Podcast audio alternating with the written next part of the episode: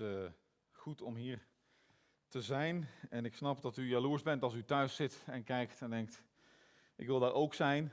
Maar ik denk dat we nog een klein beetje geduld moeten hebben en dat we dan met de meeste mensen weer hier aanwezig kunnen zijn. Ik wil vandaag verder met uh, de serie over Ezra en Nehemia. En als ik het goed geteld heb, is dit al het negende deel. Dus uh, ik heb nog niet geteld hoeveel ik er nog ga doen. Um, ik denk nog één of twee voor de zomer. En dan uh, zal het uh, voor eventjes de rest voor na de zomer zijn. Dan zijn we bij Nehemia. Maar eerst even Ezra. Kent u het begrip FOMO? Misschien heeft u daar nog nooit van gehoord. Dan denkt u, wat is dat? Maar wist u dat uh, vooral jonge mensen last hebben van FOMO? Weet u wat het is? Het betekent fear of missing out. De angst om iets mis te lopen.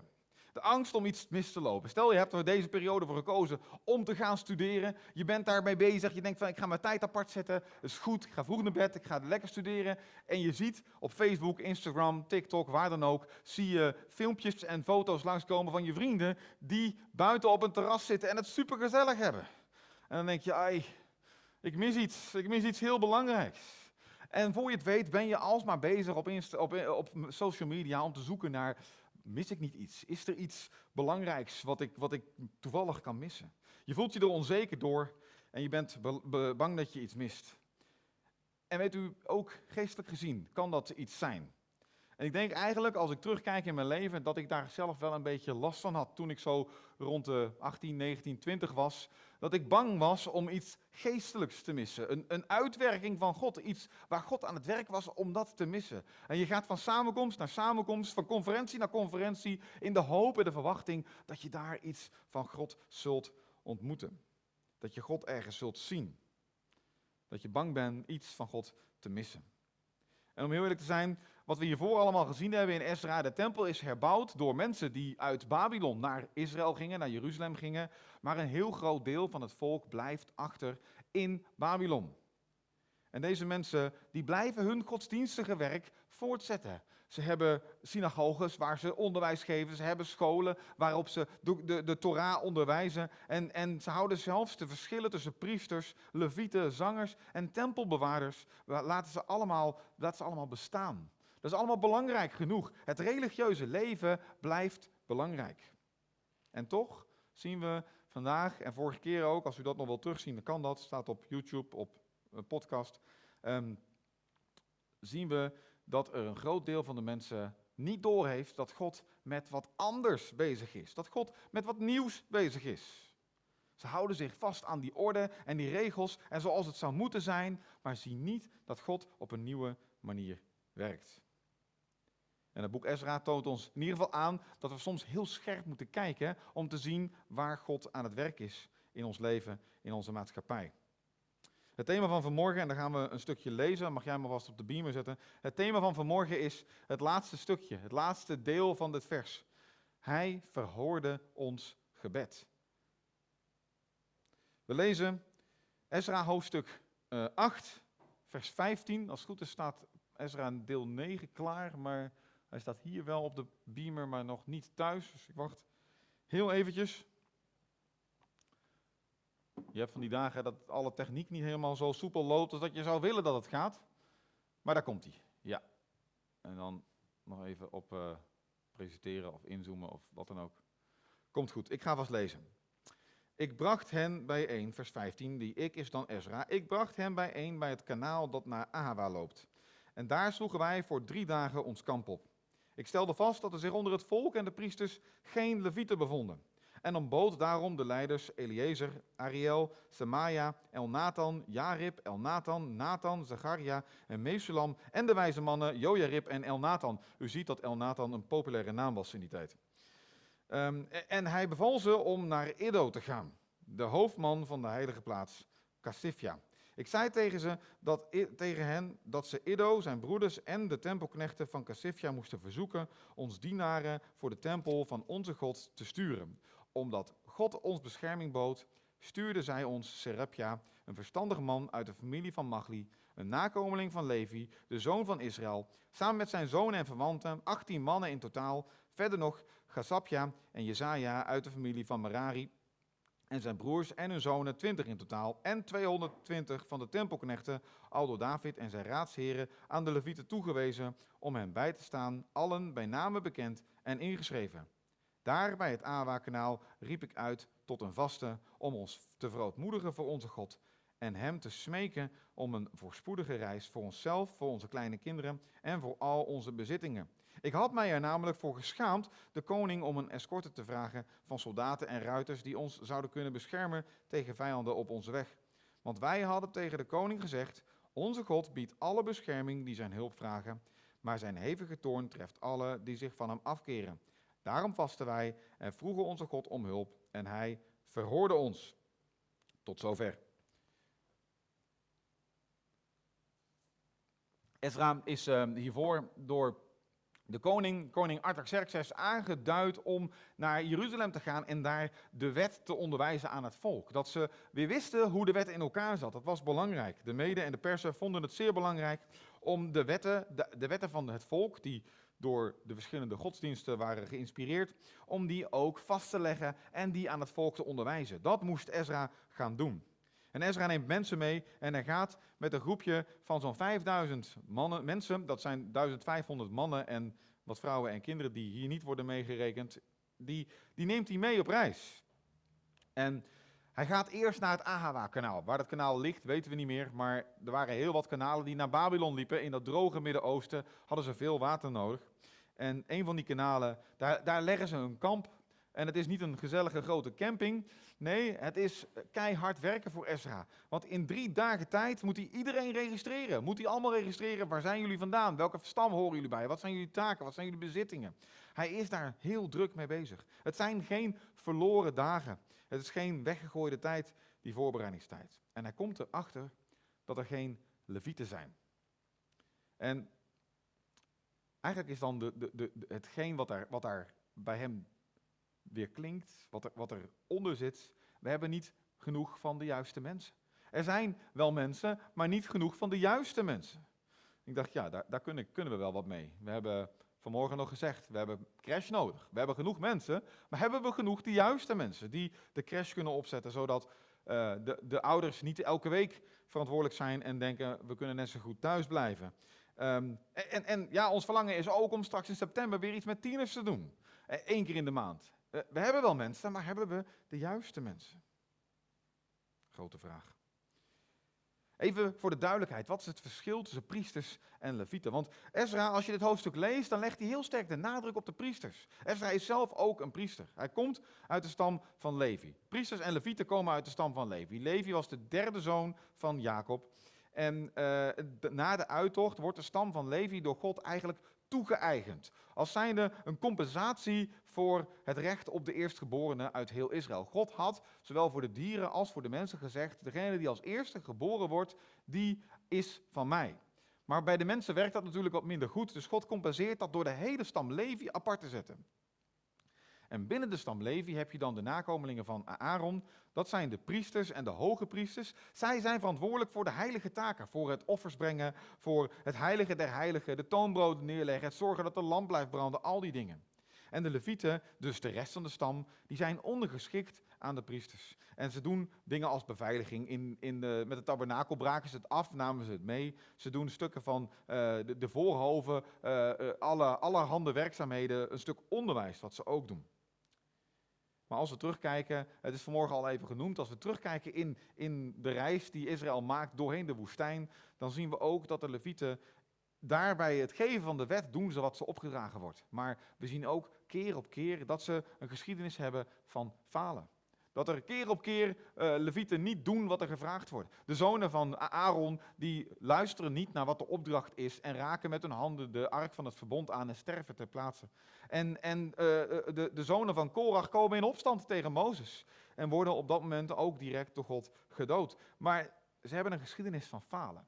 En eerlijk gezegd, als we onszelf even een spiegel voorhouden, dan kan dat wel bekend voorkomen. Als we onszelf kijken in ons leven dan, en, en zien hoe we God dienen, dan moeten we erkennen dat we heel vaak falen. Dat we tekortschieten in wat we zouden willen doen en wat we daadwerkelijk kunnen doen. En ook hier falen de levieten massaal in het doen van Gods plan. Ze gaan niet met Ezra mee naar Jeruzalem, ze blijven lekker thuis.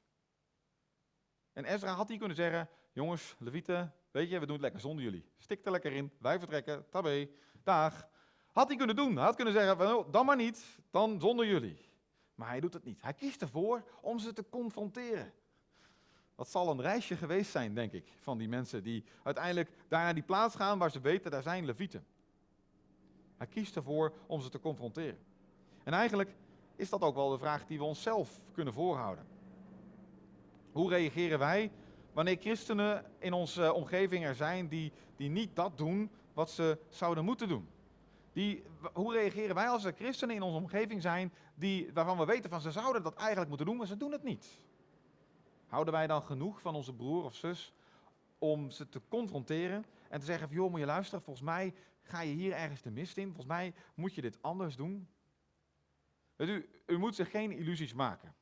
De eerste tijd dat we met elkaar kunnen samenkomen, is het leuk, is het fijn, is het makkelijk, is het, is het geweldig. Helemaal als we straks misschien weer, eh, eh, laten we zeggen, hopelijk na de zomer, weer echt gewoon normaal mogen samenkomen zonder mondmaskers, voluit kunnen zingen, dan is dat heerlijk. Maar er komt een moment dat het even wat minder gaat. Dat, het, dat je ruzie hebt gehad zaterdagavond. Of dat je uh, te laat naar bed bent geweest en, en, dat je zondagochtend denkt, weet je, ik slaap wel uit. Ik kan dat ook online volgen. Dat is ook prima. En ik ben blij met die mogelijkheden. Maar online, en dat heeft u ondertussen wel gemerkt, is niet hetzelfde als met elkaar echt fysiek ontmoeten. En elkaar dan ook kunnen bemoedigen. Zeg wel wat fijn dat je er bent. We mogen elkaar daarin bij de les houden. Er zijn 38 levieten die meegaan met, met Ezra. 38. Ik, ik kan me voorstellen dat Ezra ergens teleurgesteld was. Dat hij dacht van ja, op 5000 mensen, 38 levieten. Maar hij laat daar niets van blijken. Wat hij noteert is dat Gods bescherming er was. Letterlijk staat daar, omdat Gods hand op ons was. Daarom gebeurde dat. Hij looft en prijst God en hij zegt, als God deze groep mensen samenbrengt, dan zal het wel goed zijn. Als dit Gods wil is, als deze groep mensen door God bij elkaar zijn gebracht, dan zal het wel uiteindelijk zijn doel niet missen, maar zijn doel halen. En God voorziet is ook wat je hier weer ziet in deze teksten. God voorziet. Misschien niet op de manier waarop wij denken van ja, eh, wat fantastisch, een volle zaal. Nee, of, of er staan eh, tientallen mensen klaar om bepaalde taken te doen. Nee, misschien maar in kleine aantallen. Maar wel de juiste mensen. En dan gebeurt er iets opvallends waar ik toch even de aandacht ook op wil leggen. Ze beginnen hier te vasten. In vers 21 hè, roept Ezra op tot een vasten. En dat is opvallend om die reden dat tot nu toe de, in het Oude Testament vasten vooral een manier was om uh, je zonde te beleiden. Om je te verootmoedigen voor God en te zeggen, Heer, we hebben dat niet goed gedaan. Denk aan Yom Kippur, de grote verzoendag. Die ene dag in, in het jaar was de opdracht om te vasten. Was de opdracht om ook uh, te vasten om je zonde, degene dingen die je fout hebt gedaan over het afgelopen jaar, waar je geen offers voor gebracht had, om die te beleiden en, en dat goed te maken met andere mensen en daar berouw over te hebben. Dat was vasten tot nu toe. Maar er is iets veranderd. Ezra gaat vasten omdat hij Gods hulp wil krijgen. En ook hierin, als je dit verhaal leest, Ezra gaat met een groep van 5000 mensen, en ik heb het allemaal niet gelezen, dat mag u lekker thuis doen, maar er worden nogal wat schatten meegegeven. Wat goud en zilver, enorme rijkdom wordt er aan hem meegegeven. En het was een tocht van vier maanden, en in die vier maanden was hij een makkelijke prooi voor uh, rovers, voor, voor benders, om dat allemaal van hen af te pakken. Ik kan me zelfs voorstellen dat koning Artaxerxes gedacht gezegd heeft, joh, ja, als jij gaat, neem een paar soldaten mee, dan ben je veilig in Jeruzalem. Maar hij doet dat niet. Hij slaat die hulp af. Hij zegt, heel grootmoedig, onze God biedt alle bescherming die zijn hulp vragen. En, en hij gaat op reis. Maar dat doet hij niet zonder te vasten, om dat ook nog eens een keer bij God af te smeken eigenlijk. Maar als we daarnaar kijken, dan kan je ook denken, ja, dat is net lekker naïef van Ezra. Neemt hij niet een beetje al te veel risico? Als we zoiets zouden doen, het zou bijna hetzelfde zijn dan van zeggen van ja, als ik in de auto stap, doe geen gordel om, want God beschermt mij. Dan zouden we zeggen, joh, doe even niet zo naïef, doe die gordel gewoon om, want die heb je nodig in de auto. Sowieso is de wet zo dat je dat moet doen, maar hè, wat als er een ongeluk gebeurt? Is dat niet naïef van Ezra? Zit hij nou hier zijn geloof te beproeven? Nee. De kern zit niet in dat hij probeert om te laten zien hoe groot zijn geloof wel is. Maar de kern zit erin dat hij wil God een getuigenis laten zijn naar de wereld. Menselijk gezien was het totaal onverantwoord. Nemen ze veel te grote risico's om zo'n reis met 5000 mensen, waarvan een deel vrouwen en kinderen zijn, te maken. En, en eh, het is dan maar hopen dat je veilig aankomt. Dat is een heel groot risico, dat is eigenlijk onzinnig. Maar Israël gaat niet zomaar op reis. Ze gaan terug naar huis. Ze willen bij God thuiskomen. Daar in Jeruzalem, bij de tempel, willen ze bij God thuiskomen. En daarom raakt deze risico's de kern van Ezra's missie juist. Het, Ezra's missie is om, om te laten zien, we moeten bereid zijn om kwetsbaar te zijn, zodat God door ons heen kan werken. Het is dan ook wat Paulus ook zegt in 2 Korinthe 12. Daar zegt hij, je hebt niet meer dan mijn genade nodig, want kracht wordt zichtbaar in zwakheid. Dus laat ik mij, liever veel, eh, laat ik mij veel liever voorstaan op mijn zwakheid, zodat de kracht van Christus in mij zichtbaar wordt. Eigenlijk zegt hij er zoveel als, als ik het niet kan, en God doet het toch door mij heen, dan moet het wel God zijn die dat doet. Als het onmogelijk is om die reis te maken zonder bescherming en we komen toch veilig aan, dan moet het God zijn die dat doet. Als het onmogelijk is.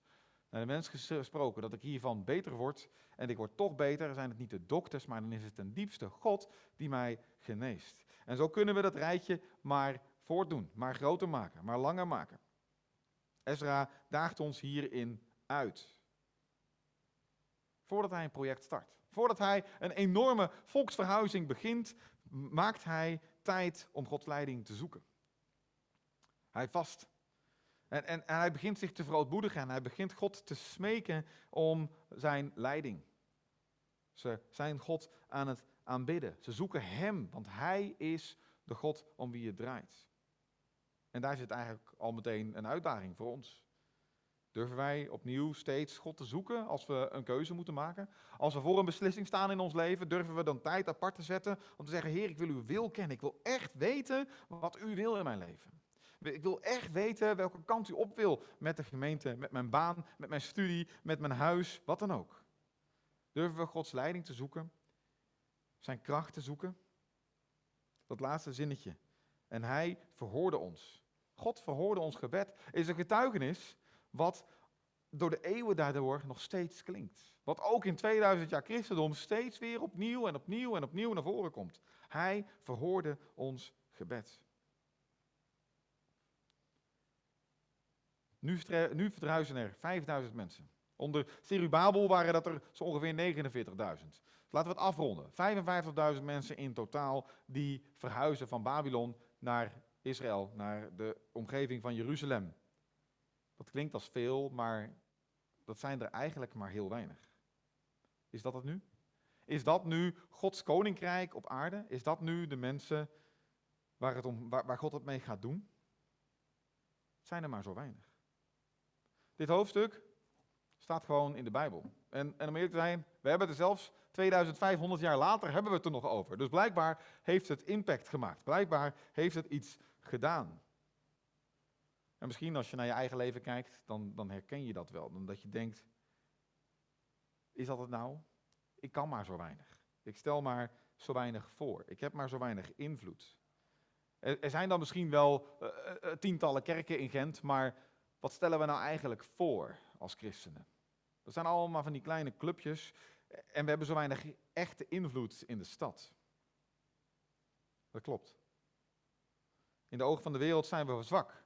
In de ogen van de wereld hebben we geen status, hebben we geen invloed. We moeten vechten om aan tafel te mogen bij de regering om te praten over de erediensten. We moeten daar alles bij, voor alle zeilen voorbij zetten om ook gehoord te worden. We hebben helemaal geen invloed, we stellen niks voor. Maar hoofdstuk 8 van Ezra laat zien dat Gods koninkrijk doorwerkt juist met mensen die niks zijn. Juist met mensen die weinig voorstellen. En ook nog eens een keer met heel weinig zijn. Weet u dat wij, ik heb het al eerder gezegd, ik herhaal het nog eens. Dit is de tekst, dit zijn de mensen die ons het Oude Testament voor een heel groot deel hebben overgedragen. Hebben overgeleverd. Die hebben vastgehouden aan het overschrijven, het nauwkeurig overschrijven. En, en die hebben dat allemaal bijgehouden en meegenomen. Deze mensen zijn trouw gebleven aan Gods woord. Deze mensen zijn trouw gebleven In, in de, de rij, met, met lijst met mensen, ik heb het niet genoemd, daar wordt ook een na, nakomeling van David genoemd. En als u weet wie de zoon van David genoemd wordt, die uiteindelijk geboren wordt, dat is Jezus. En Jezus wordt uiteindelijk geboren in Israël, omdat deze groep mensen 500 jaar daarvoor terugkeert en luistert naar de stem van God. Dan denk ik, laten we dan maar een klein aantal zijn. En dan maar met weinig zijn. Als God daardoor zijn kracht kan tonen, dan zeg ik, halleluja. Wat een God dat hij mensen zoals wij wil gebruiken. Mensen gewoon simpel. Gewoon zoals wij, zonder al te veel invloed, status of wat dan ook. Daar gaat het niet om. Het gaat om hem uiteindelijk. En dan kunnen we afsluiten met die woorden van Ezra. Gods hand is met alle die hem zoeken. Zullen we bidden? Lieve Vader, dank u wel dat u bent met alle die u zoeken. Dat uw hand met ons is. Dat we, als u echt oprecht zoeken en ten diepste uw wil willen doen, Heer, dat u daarbij aanwezig bent. Heer, dat u daarin bent. Dat u ons bescherming biedt. Ook al zien we dat misschien zelf niet. Heer, we willen u echt vragen of u uw koninkrijk, uw koninkrijk wat, wat begonnen is bij uw zoon, of u dat wilt laten doorwerken. Heer, en als we over nadenken dat we soms zomaar zo weinig mensen hebben en zo weinig invloed hebben, Heer, dan willen we gewoon vragen of u wilt doorwerken met uw Heilige Geest en met uw kracht, zodat u uh, uw werk kunt blijven doen en uw koninkrijk wordt uitgebreid en mensen tot geloof komen in Jezus. Heer, wilt zo ons nabij zijn en ons helpen en ons zegenen, want wij kunnen dit niet zonder u. Dank u wel dat u bij ons bent, dat u ons nooit alleen laat. In Jezus' naam, amen.